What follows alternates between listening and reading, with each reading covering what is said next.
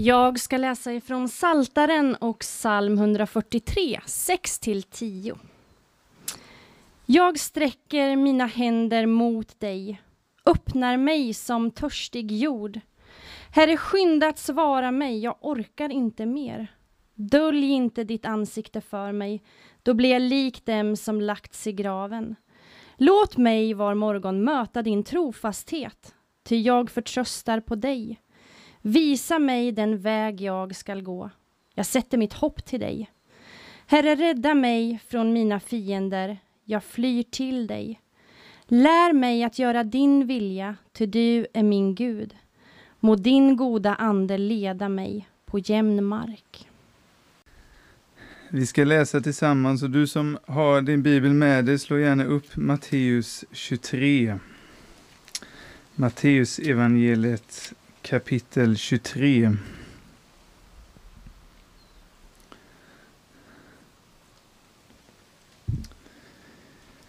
Och där läser vi.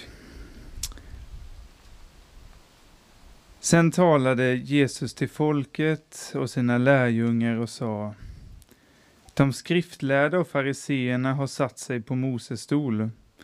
Gör därför allt vad de lär er och håll fast vid det men handla inte som de gör, för de säger ett och gör ett annat.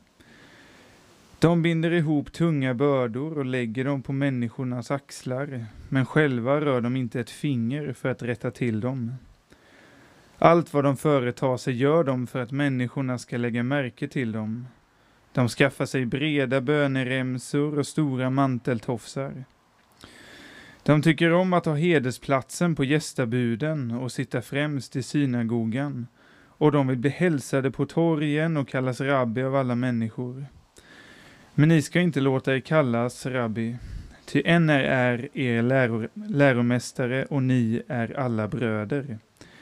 Ni ska inte kalla någon här på jorden för er fader, ty en, ty en är er fader, han som är i himlen. Inte heller ska ni låta er kallas lärare, ty en är er lärare, Kristus. Den som är störst bland er ska vara de andras tjänare. Den som upphöjer sig ska bli öd förödmjukad och den som ödmjukar sig ska bli upphöjd. Och nu ska vi få, få läsa igen från Jakobsbrevet.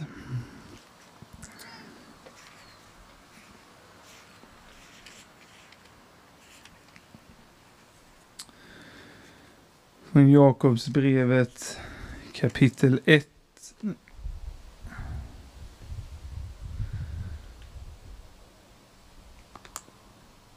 Kapitel 1, vers 22.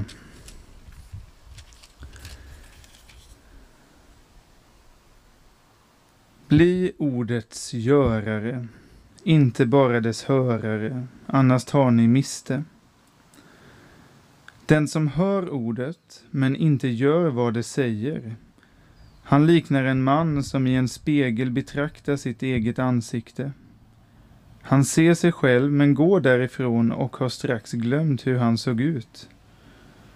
Men den som har blickat in i den fullkomliga lagen, frihetens lag, och håller sig till den och inte glömmer vad han hört, utan verkligen gör något, han blir salig genom det han gör.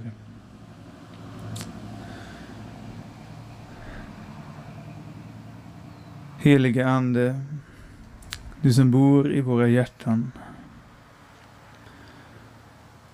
Öppna våra ögon för vad det innebär att följa vår Herre Jesus Kristus. Väck vår längtan att förenas med honom och hans intressen i denna världen.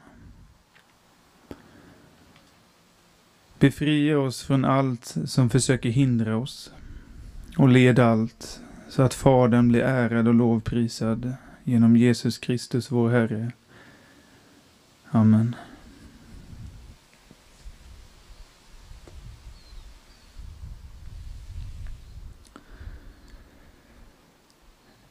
Till Gud får vi komma sådana som vi är. Det är väl liksom en grundtanke vi försöker kommunicera till oss själva och till andra människor. Eh, vi sjunger, du vet väl om att du är värdefull, att du är viktig här och nu, att du är älskad för din egen skull, för ingen annan är som du. Och det är detta som vi mycket försöker utstråla, att här krävs ingenting, att du är välkommen som du är.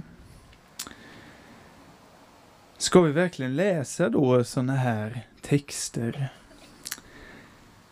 Det verkar liksom Gud kräver massa saker. Bli ordets görare, inte bara dess hörare, annars tar ni miste. Är inte det lite provocerande? Ska vi tillbaks till de där syndakatalogerna, om du hör talas om dem, eh, där vi måste göra allt rätt och riktigt för att Gud ska se på oss med goda ögon.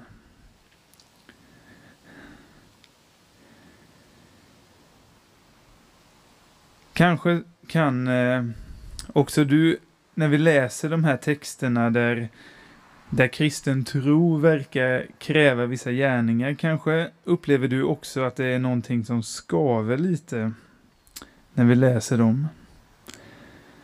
Att bli ordets görare, det är ju att lyssna till vad Jesus menar är ett gott liv och, och eh, försöka att våra liv ska få förändras av det. Om jag går till mig själv, vad det är som kan skava vid de här ställena, det är ju att jag vet att när Jesus berättar om det goda livet så är det ljusår ifrån vad jag ser i spegeln när jag går upp på morgonen eller när, när som helst på dagen. Eh, när jag ser på mitt eget liv så är det långt ifrån varandra. Och om utgångspunkten är att att jag måste göra allt detta för att bli bekräftad av Gud, då blir det väldigt jobbigt. Men varför skaver då detta? I vår kultur, i många kulturer, då tror vi att en människas värde ligger i vad vi kan prestera, kanske vilken familj vi är uppväxta i, vilken yta som vi kan visa utåt på olika sätt för andra människor, och om jag köper det här resonemanget, att det är det som jag gör och det som syns, att det är mina prestationer som ger mig mitt yttersta värde, eh, då kommer vi jaga hela våra liv för att få den här bekräftelsen. Och det här märker vi, det här gör ju människor helt slutkörda. Alltså, vi är ju jättestressade. För det här liksom, vi bara kämpar och kämpar för att det här det finns ju olika analyser av, men jag tror att det ligger något i det här liksom. Vi bara, den här bekräftelsen. Vi måste vara på det här sättet. Och inte nog med detta, för nu kommer alltså även Gud och, och säger att nu måste du eh, göra på, nu måste du tänka på det här också. Nu måste, nu verkar det som, du ska vi jaga ännu mer liksom. Jag måste kämpa ännu mer för att också Gud ska tycka att jag är värdefull. För, och det, liksom det ska vi då, för vi som jagar och sliter för det här bekräftandet veckorna ut och veckorna in. Vi önskar väl att när vi kommer till söndagen och liksom faller ihop på gudstjänsten och liksom utmattan, utmattning, så vill vi ibland bara att Gud ska vara som spegeln i Snövit. Spegel, spegel på väggen där, säg mig vem som vackrast i landet är. Säg att jag duger, säg att jag är perfekt.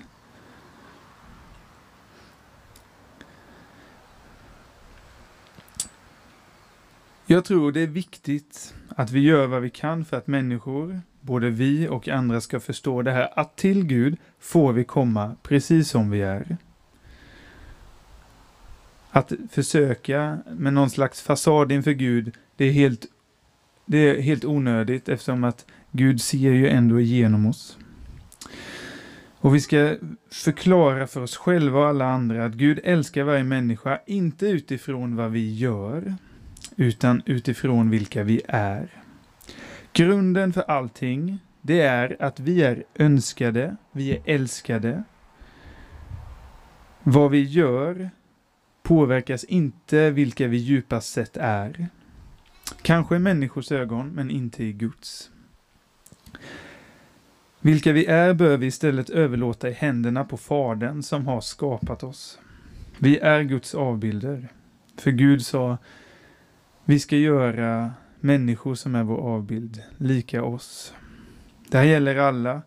Och vi som också valt ett liv tillsammans med Gud, vi har i dopet också fått höra vi har fått höra hur anden sänks över våra liv och hur Fadern ropar ner från himlen. Det här är mitt älskade barn.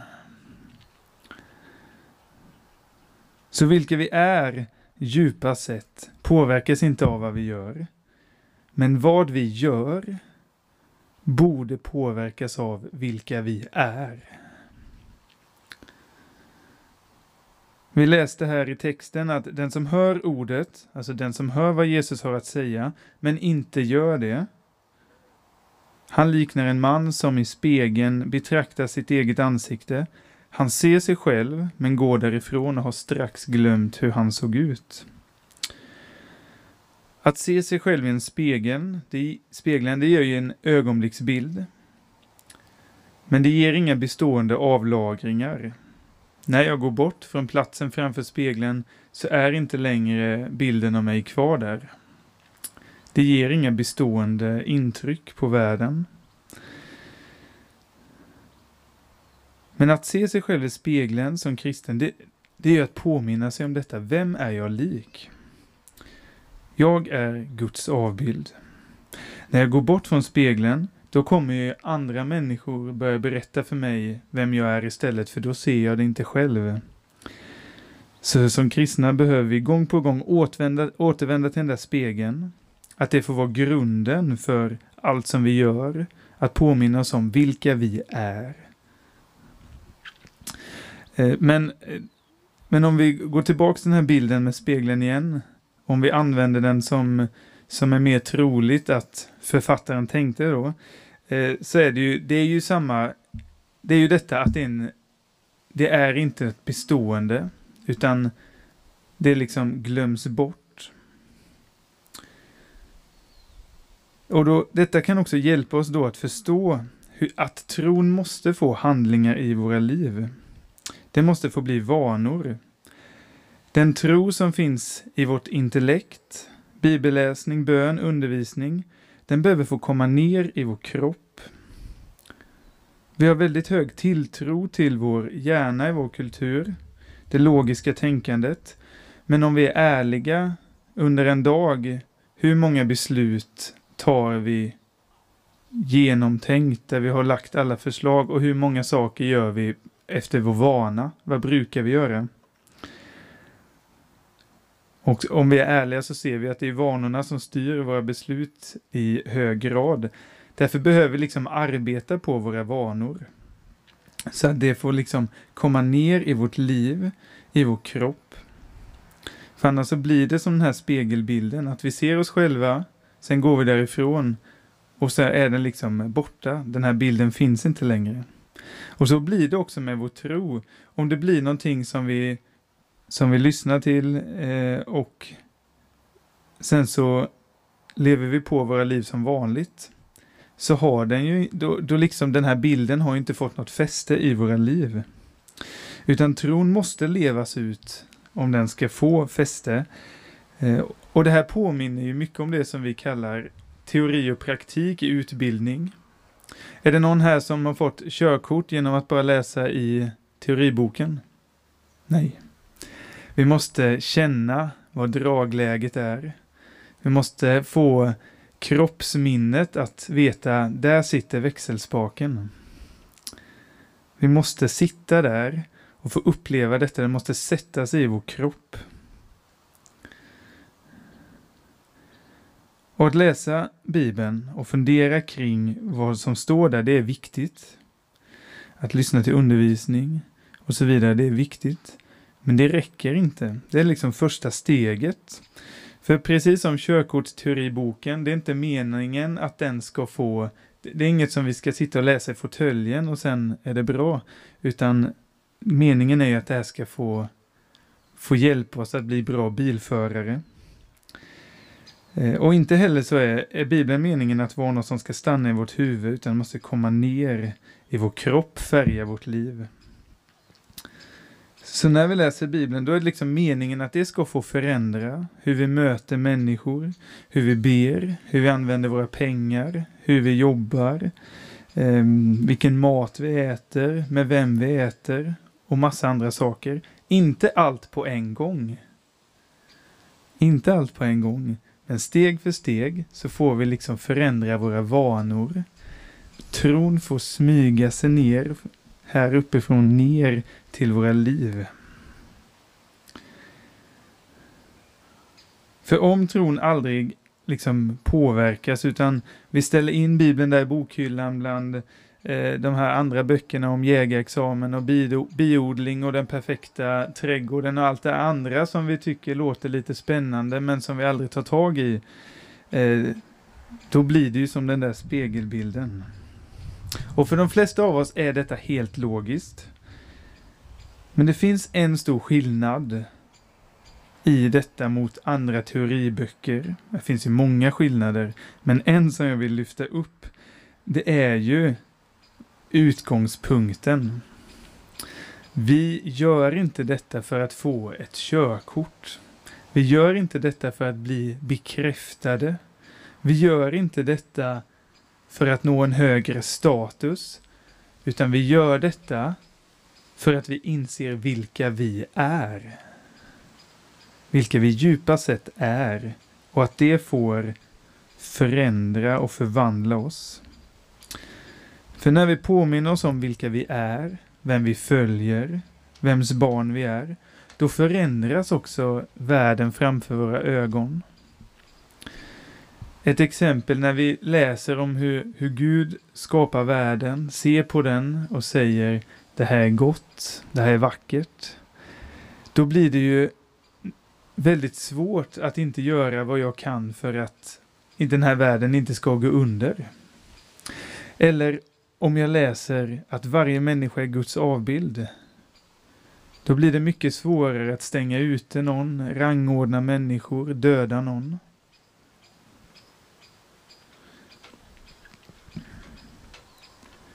Vi får gång på gång börja i detta. Vi får påminna oss om, och alla andra, att till Gud får vi komma som vi är. Inga inträdeskrav. I Guds ögon är varje människa värdefull, viktig, älskad, unik. Gud älskar oss som vi är. Men Gud älskar oss alldeles för mycket för att låta oss bli kvar i de liven som vi lever. Gud älskar denna världen alldeles för mycket för att låta oss vara kvar i de liven som vi lever. Och därför så säger vi i Equmeniakyrkan, som vi är en del av, att vi vill vara en kyrka där mötet med Jesus Kristus förvandlar mig, dig och världen. Vi ber tillsammans.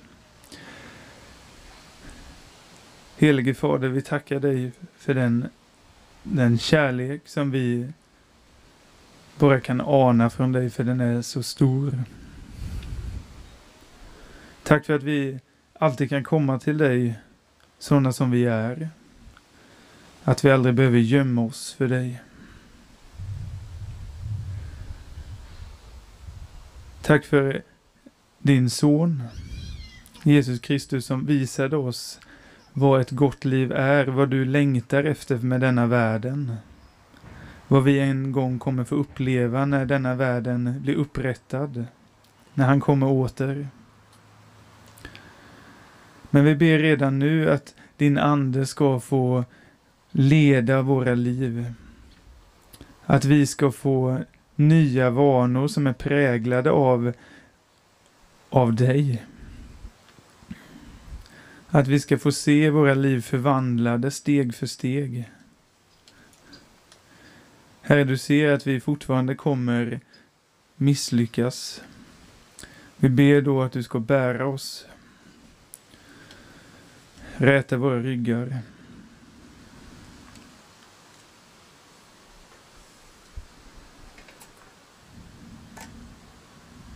Amen.